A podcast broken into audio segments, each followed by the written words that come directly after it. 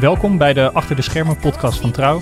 Mijn naam is Edwin van Sas, chef digitaal bij deze mooie krant. En vandaag praat ik met redacteur popmuziek Joris Belgers over het afgelopen muziekjaar.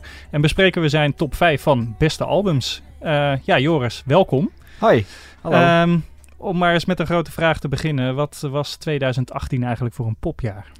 Um, dat is meteen een hele grote vraag. Uh, en ik denk dat dat ook misschien het overkoepelende onderwerp is. Ik denk dat popjaar 2018 het uh, jaar van de vrouw is geweest.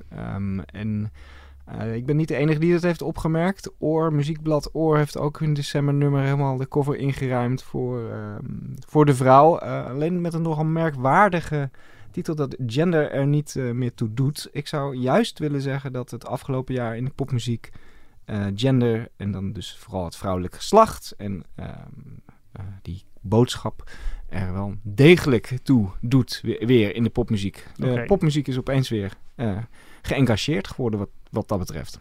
Oké, okay, dat, uh, nou, daar gaan we straks verder op inzoomen uh, aan de hand van je top 5. Um, maar misschien eerst nog even een hele andere rare vraag hoor. Want hoe maak jij zo'n lijstje? Hoe stel je dat op? Um, ja, lijstjes. Uh, uh, het is december, is sowieso de maand van de lijstjes. En uh, ik denk dat alle luisteraars worden doodgegooid met, met lijstjes, muzieklijstjes, filmlijstjes, theaterlijstjes. En eigenlijk is het allemaal heel persoonlijk. Um, en, en dat is ook leuk, want de ene muziekredacteur is de andere niet. En als je inderdaad mijn lijstje naast mijn, mijn collega Klaas Knooihuis, een andere muziekredacteur of een muziekmedewerker van onze krant legt, dat zijn totaal andere albums. Um, maar is er, zo, is er iets universeels uh, op nou, het gebied van kwaliteit over muziek te nee, zeggen? Nee, absoluut niet. Nee? Nee. Uh, ik, vind, ik kan ook genieten van hele foute popmuziek op het Eurovisie Songfestival. Um, maar er zit ook nog een verschil tussen genieten en kwaliteit. Want, uh, want ik kan ook van allerlei soorten muziek genieten. Maar toch heb ik ook wel het idee dat er ergens ja, ook iets van kwaliteit bestaat? Of ja, is dat toch niet te meten? Ik vind het heel moeilijk te meten. Ik denk uh, hoe meer muziek je luistert, hoe meer popmuziek je luistert, uh, hoe, en hoe meer je uh, kwaliteit kan herkennen. En dat zit hem in, inderdaad, in elk geval in popmuziek vind ik dat echt goede popmuziek moet vernieuwend zijn. Het moet iets zijn wat je nog nooit hebt gehoord, wat je verrast, wat je ontroert, wat je raakt. Um, maar, het moet ook weer niet te vernieuwend zijn, want dan, dan heb je helemaal geen haakjes meer om je aan vast te houden en dan wordt het een beetje uh, verwarrend. En, ik heb in mijn, in, elk geval mijn jaarlijstje een beetje daarna gekeken en ik heb, wat ik ook altijd mooi vind, uh, dat albums, hè, je hoort dat, het album niet meer bestaat, maar dat een album echt één geheel vormt, dat alle nummers, dat er duidelijk over is nagedacht dat die nummers in, in een bepaalde volgorde staan. Um, dat die nummers samen één verhaal vertellen. Um, je had daar, uh, vooral vorig jaar, had je daar een paar goede uh, voorbeelden van. Uh, en dit jaar toch ook wel. Um, en denk, en wat ik, wat ik ook wel belangrijk vind, is dat popmuziek die, die verschijnt ook wat zegt over het tijdsgevricht waar het in verschijnt. Hè, de maatschappelijke context. een, een, een, een, een goed popalbum, een goed muziekalbum is niet zomaar een verzameling liedjes. Um, maar, maar, dat klinkt ook alsof een goed popalbum niet tijdloos is, maar echt ja. in een tijd geplaatst moet nou, worden. En dan gaan we weer een stapje verder. Het allerbeste popalbum is natuurlijk iets wat, dat, dat, wat heel wat zegt over de tijd waarin het is gemaakt. Maar wat een halve eeuw later nog steeds overeind staat. Oh. Uh, het, het eeuwige album uh, uh, Sgt. Pepper, dit jaar 51 jaar oud. Uh, dat is natuurlijk had dat in geen enkel andere tijd gemaakt kunnen worden, denk ik, dan in 1967. Uh, was het 1967? Dat zou ja. wel 51 jaar geleden zijn. Uh, ja. Precies. Um, ja, want vorig jaar was het namelijk 50 jaar geleden. Ja. Oké, okay, maar, maar laten we even naar jou, als we naar jouw top 5 kijken. Je hebt dus en alleen vrouwen geselecteerd in jouw top 5? Nou, ja. Zeg ik dat goed? Niet geselecteerd. Um, ik kijk hoe heel bazaal terug naar je e-, eerste vraag. Hoe komt zo'n lijst tot stand? Ik ben gewoon in het archief, in het krantenarchief gaan kijken wat voor cd's heb ik allemaal gerecenseerd. Oh ja, want weet je, je, ik luister zoveel, je vergeet natuurlijk cd's. En dan komen dingen uh, bovendrijven. Er zijn albums die ik sowieso al meteen had toen ze uitkwamen. dacht, dit, dit uh, ga ik in december nog eens een keer uh, luisteren voor mijn lijstje. Goed, dat werd een longlist, dat werd een shortlist. De top tienetjes uh, die je overal ziet zijn in onze krant top vijfjes geworden. En, en geheel onbewust, dat was uh, helemaal niet met voorbedachte raden, kwamen er inderdaad vijf vrouwelijke uh, artiesten uitrollen. En dat was in jouw historie, nog even voordat we naar de eerste gaan, nog nooit gebeurd dat jij vijf dat... vrouwen had geselecteerd? Nee, en, en sterker voor, voor uh, Muziekblad Oor heb ik de hele top 10 uh, ingestuurd. Uh, dus daar zitten nog vijf extra bij. En volgens mij zit er, ja, zit één, één mannelijke rapper zit erbij.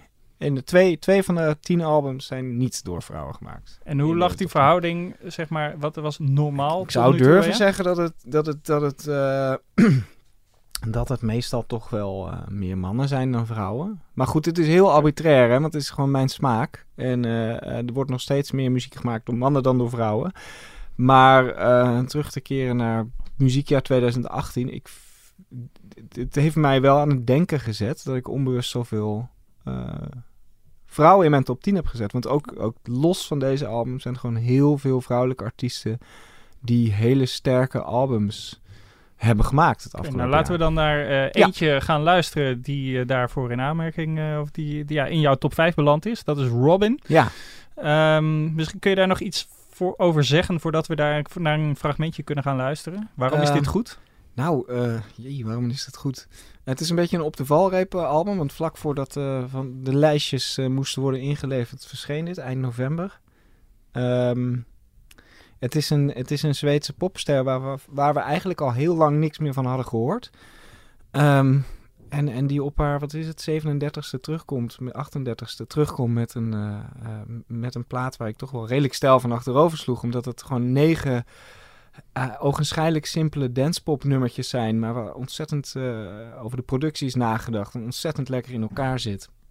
En um, waarin Robin uh, makkelijk mee kan met, met alle grote popmeisjes van tegenwoordig, de Ariana Grandes van tegenwoordig, maar tegelijkertijd, dus wat ik net zei, um, een, stap verder zet. Hè, je toch verrast. Dat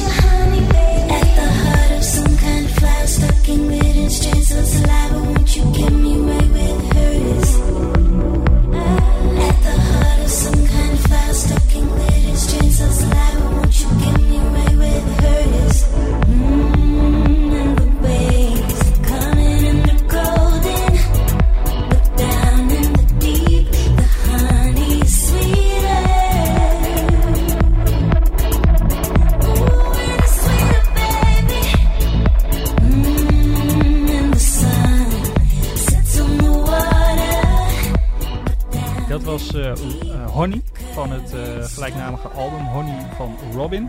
Vrij nou, pretentieloze popmuziek toch wel. Nou, um, wel goed hè, wel goed. Wel, wel goed, maar ook vrij pretentieloos. Nou, di dit of... album um, is dan in mijn lijstje dan weer de uitzondering op die... Het is niet zo'n politiek album. Hè? We zijn er net al 2018, het, het jaar waarin de vrouwen ja, terugsloegen.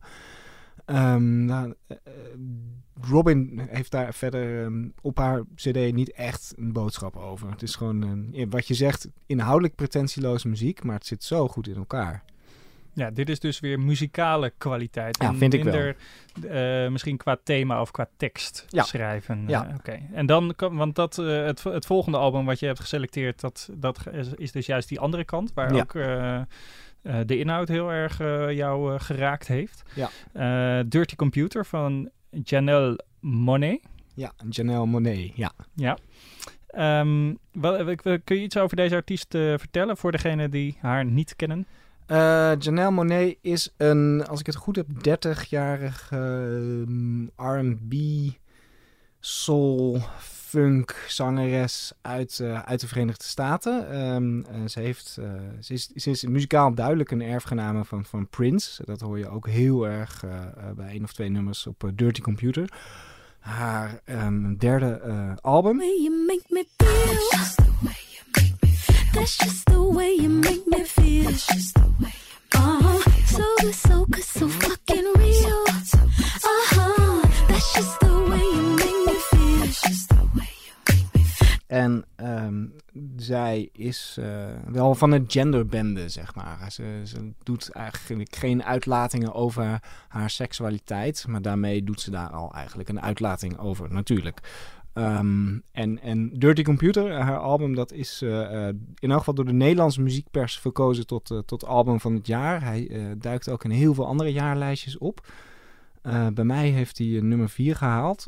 En ik vind dit dus een heel goed voorbeeld van, van, van wat ik net zei, dat, dat dit het jaar is dat de vrouw terugslaat. Er zit in een van de nummers letterlijk de tekst stroven This pussy will grab you right back. En dat is natuurlijk een ver, verwijzing...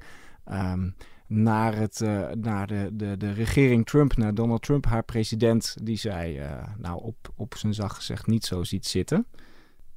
Maar wat ik zo sterk vind aan dit album is dat, uh, dat dat verzet. En je kan inderdaad zeggen dat het een beetje laat is om nog met een anti-Trump album te komen. Want die man zit er inmiddels ook al twee jaar. Um, maar wat ik zo sterk vind aan dit album, dat dat, dat dat verzet zo vrolijk klinkt. Zo, zo tamelijk ongedwongen en daarmee zo, zo optimistisch en daarmee juist hoopvol. Er zijn, uh, er zijn MeToo-boodschappen, er zijn anti-Trump-boodschappen, er zijn uh, Black Lives Matter-boodschappen te vinden op dat album. En zij verweeft dat um, tamelijk, tamelijk naadloos tot een heel vrolijk, hoopvol uh, album.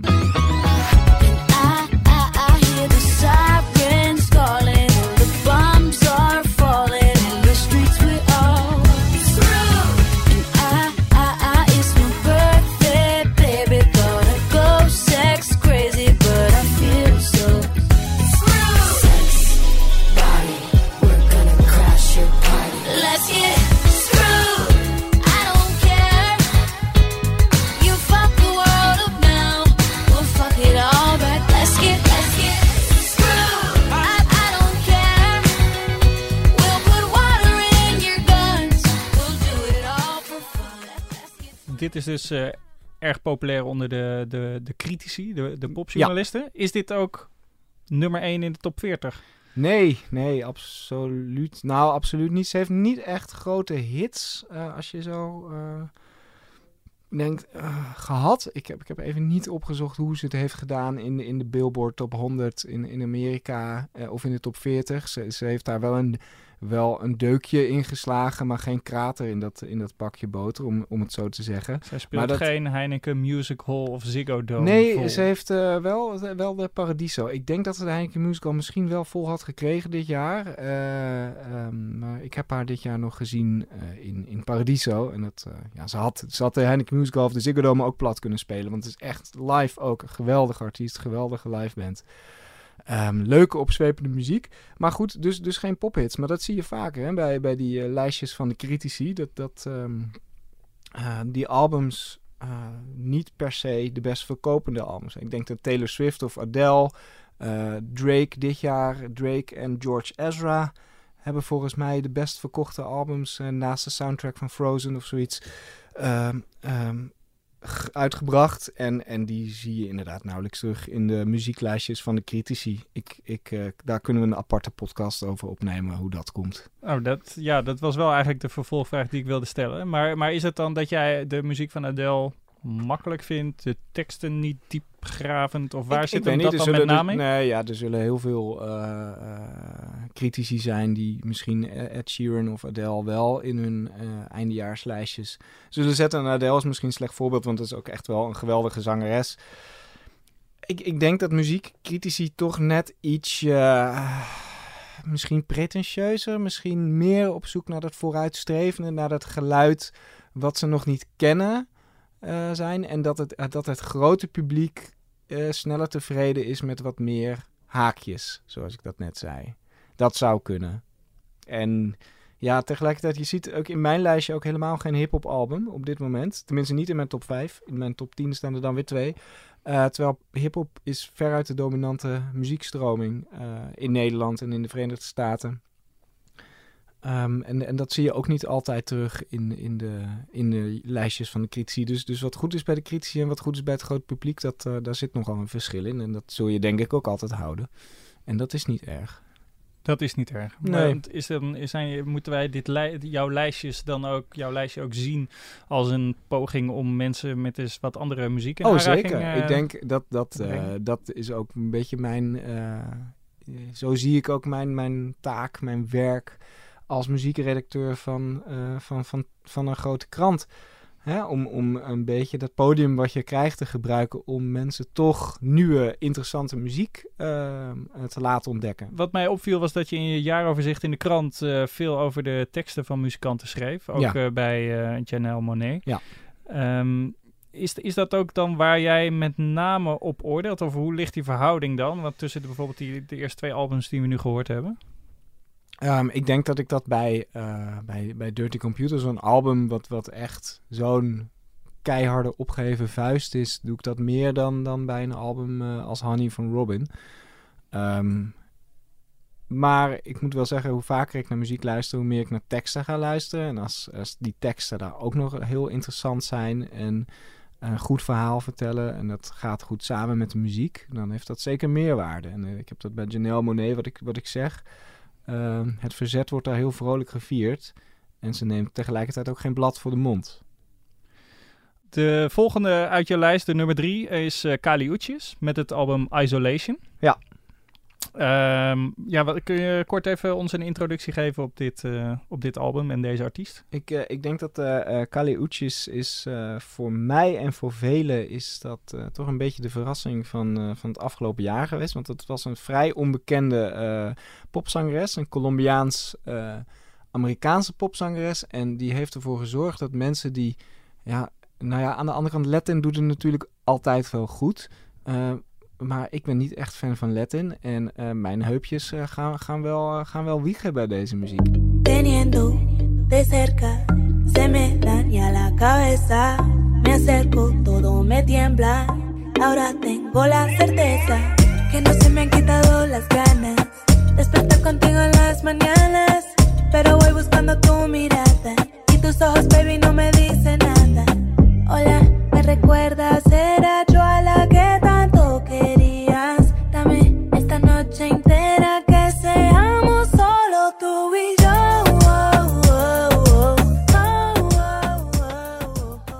Dit is uh, eigenlijk een puur popalbum, maar er zitten, er zitten geweldige, er zitten hip-hop invloeden, er zitten uh, Latin invloeden in. Uh, het is een fantastische zangeres. En dit is ook weer zo'n popalbum. Zo'n artiest die laat, laat zien wat een popalbum nog meer kan zijn. Die echt wel duidelijk, duidelijk naar de top 40 heeft geluisterd. En daar haar eigen draai en een stap uh, uh, verder in zet. Dus en tegelijk... Ja, ja, wat je noemde, die, die, die vernieuwing, ja. maar wel met voldoende herkenbaarheid. Ja. voldoende haakjes, zodat het niet te abstract wordt. En ook een ongelooflijk sterke vrouw. Um, dit is ook een album die niet, zo'n, niet echt zo'n duidelijk manifest als, als Dirty Computer is. Maar waar, waar de, de nasleep van MeToo wel in zit. In, in een nummer als Your Teeth in My Neck bijvoorbeeld... Um, uh, het nummer Tyrant, dat gaat over vervelende ex-vriendjes. En dat kan je ook lezen als een aanklacht uh, tegen de dominantie van mannen in de muziekindustrie. Uh, de MeToo-affaires zijn een beetje... Echt grote MeToo-affaires zijn niet geweest in, in de muziekindustrie, gek genoeg. Ja. Um, maar, de, nou ja... Is maar, dat te verklaren? Nou, er zijn er wel hoor. Je hebt, je hebt die, de platenbaas Russell Simmons, die is opgestapt. Je hebt wat, wat kleinere, onbekendere... Uh, strubbelingen. En je had natuurlijk uh, Dr. Luke, die uh, door Kesha, maar dat, speelt al, dat speelt al, speelde al voor de MeToo-affaire, werd, werd, werd beschuldigd van, volgens mij zelfs verkrachting. En in elk geval machtsmisbruik en wurgcontracten. En, het, en dat is natuurlijk is dat ook een cliché over de muziekindustrie, dat, dat vrouwelijke zangeressen um, door, door machtige platenbazen met wurgcontracten worden vastgezet en dat zij uh, ja, eigenlijk uh, worden uitgebuit. Ehm, nou, dat, dat zit ook heel erg in een van de nummers van, van Kali Uchis, dat beeld. Um, jouw vraag waarom de grote MeToo-affaire, waarom er geen Weinstein in de muziekindustrie is geweest. Ja, geen Job Goschalk in de internationale muziek, dat, dat, um, dat weet ik niet. Maar op een bepaald niveau heeft, heeft die MeToo ook in de muziek uh, het afgelopen jaar heel veel wakker geschud. Maar goed, Kaliuccius heeft ook uh, uh, haar ervaringen gehad en die verwerkt ze ook heel goed op dit album. Wat ook op dit album heel, heel mooi zit, is die, die, de, de, de migrantenervaring. de Colombiaans-Amerikaanse roots van deze zangeres zijn duidelijk hoorbaar, ook in de, ook in de teksten. in het openingsnummer Miami, hoe zij ja, aankomt in het beloofde land, de Verenigde Staten. en in de rest van het album hoor je ook dat het toch allemaal niet zo mooi is in, de, in, in het Verenigde Staten van nu.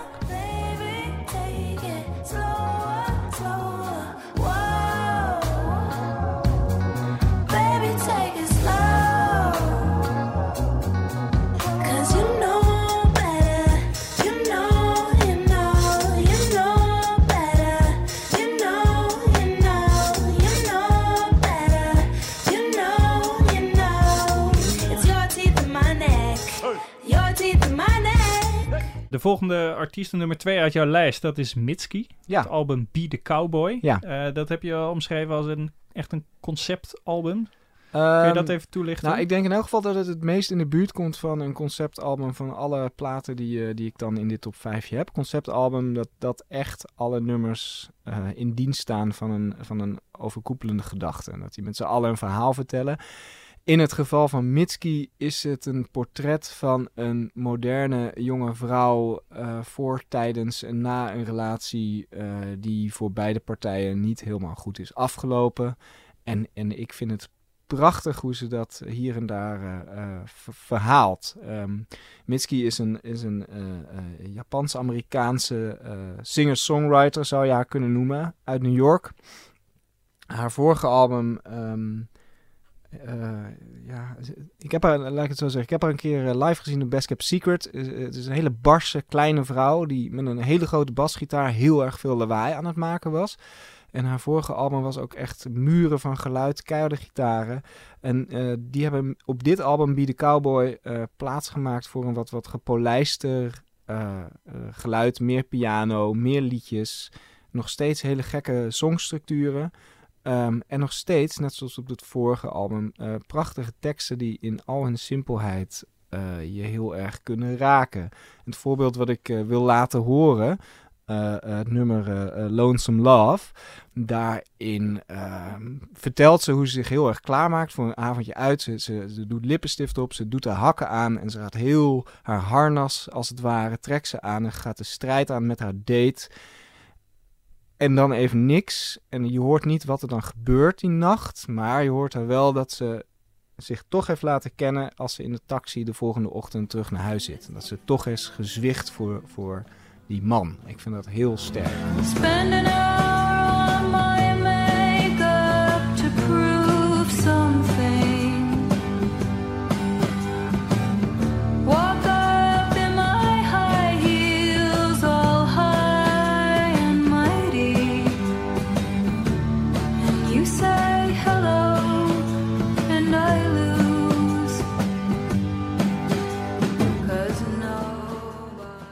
De thematiek die uh, in die nummers naar voren komt over relaties, dat kan me voorstellen dat het ook goed aansluit op een bepaalde levensfase waar je in zit. Merk jij als poprecensent ook dat je um, ja, dat bepaalde muziek jou dus meer raakt omdat het dichterbij je staat? En is dat in de loop der jaren veranderd? Of, of... Uh, ja en nee. Ik probeer als, als, als muziekredacteur wel tamelijk een objectieve keuze te maken. Hè? Objectieve beoordelingen, objectief te recenseren. Maar het is natuurlijk wel zo dat popmuziek, waar jij je het meest aan kan relateren, um, jou het meest raakt en het meest doet. Ik moet wel zeggen dat ik juist de laatste tijd meer uh, naar, naar, naar jonge popmeisjes ben gaan luisteren. Ik vind Taylor Swift en Katy Perry en, en Ariana Grande... Uh, die vind ik nu eigenlijk toffer dan, dan uh, vroeger. En toen ik een tiener was, luisterde ik heel erg veel naar Led Zeppelin. En zo oud ben ik nou ook weer niet. Dus ja. Dus er is eigenlijk geen pijl te trekken. Er dat is, is uh, nee. Nee, oké. Okay. Nou, dan moeten we denk ik door naar uh, tromgeroffel uh, de nummer 1 ja. uit jouw lijst. Ja, de nummer 1 uit mijn lijst. Brand los. nou, brand los. het was denk ik in april dat, dat dit album verscheen. Ik heb in mijn recensie, ik heb hem nog even bijgepakt. Ik heb niet zoveel 5 sterren recensies geschreven. Mitski was er een en dit is er natuurlijk ook één. Um, ik, heb, ik heb opgeschreven nog, het is alsof ze een infuus vol donsveertjes rechtstreeks op de ziel aanlegt. Ik weet niet hoe ik het uit mijn pen heb gekregen, maar het klopt wel. Um, ik, ik, ben, ik, ben, ik was uh, helemaal stapelverliefd op uh, Casey Musgraves, die voor mij het album van het jaar heeft gemaakt uh, met, met Golden Hour.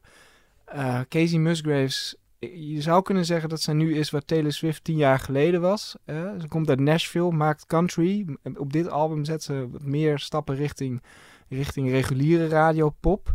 maar Nashville is nooit ver weg.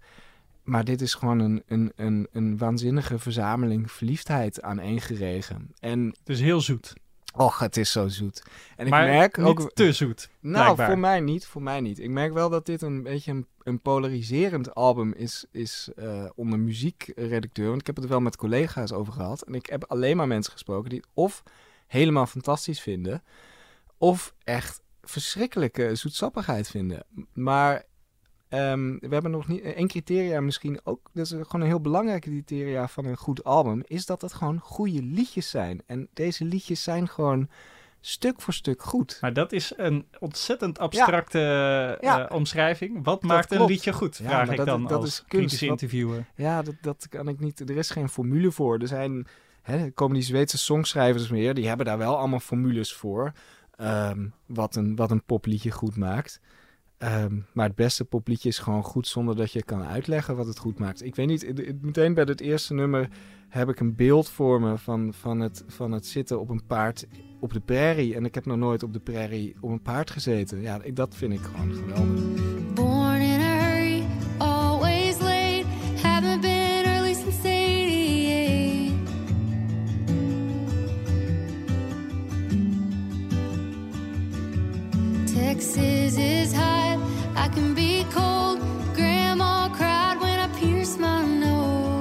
En die zoetsappigheid, die verliefdheid, eh ehm, dan komen we toch een beetje bij mijn these.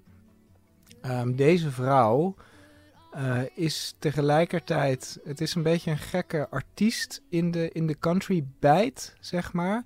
Zij, ehm, ze is nogal uitgesproken, ze is uitgesproken progressief, wat in de conservatieve Amerikaanse country sferen ook niet altijd goed eh, overkomt. Er waren heel veel country artiesten die waren pro-Trump. Zij is het absoluut niet. Ehm, en, en, en haar teksten is zij aan de ene kant wel nog een beetje die stereotype eh, Southern Belle, die een beetje eh, het huishouden doet en het prima vindt hoe haar man wegrijdt op het paard eh, de- met de horizon, omdat haar man af en toe een beetje de ruimte nodig heeft en, en zij let wel op het Stand huis. by your man. Ja, precies dat idee. Maar tegelijkertijd is ze ook gewoon heel erg zichzelf of zo. Tenminste, zo klinkt ze. En ik, eh, ja, voor mij is dit echt het album van het jaar. En dat gezegd hebbende, ik, ik had ook altijd een hekel aan countrymuziek. En dan toch dit. Ik, ik kan het niet uitleggen. Je kan muziek niet altijd uitleggen, Edwin. Dan moeten we er maar even naar luisteren. Laten we er gaan luisteren.